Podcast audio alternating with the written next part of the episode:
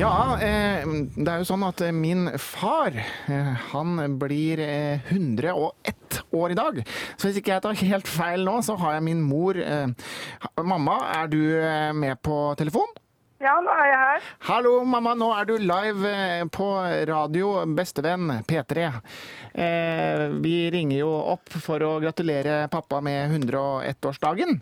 Ja, og nå skal du Men, men, du, men, du, men du, før jeg snakker med han, kan jeg bare spørre om et lite spørsmål? Ja.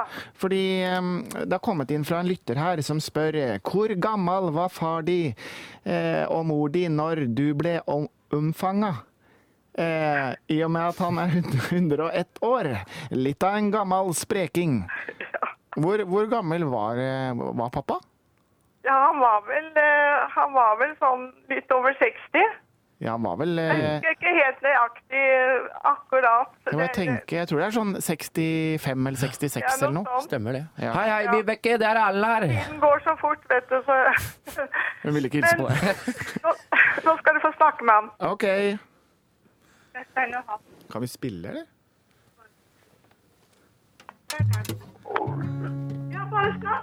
Hallo? Hurra for deg som fyller ditt år, ja, deg vil vi gratulere.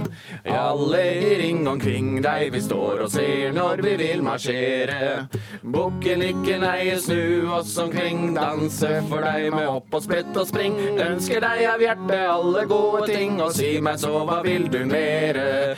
Gratulere. Fantastisk. Hallo, pappaen min. Gratulerer så mye med 101-årsdagen. å, jeg er helt vedtatt det her på jeg. Er dere helt medtatte? Og det er så masse presanger og masse, masse alt, og alt mulig.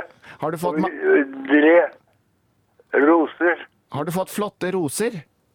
flotte roser, Ja. hvite roser, en svær bukett. Oi, en flott bukett, ja. Champagne. Champagne. Det er så flott, vet du.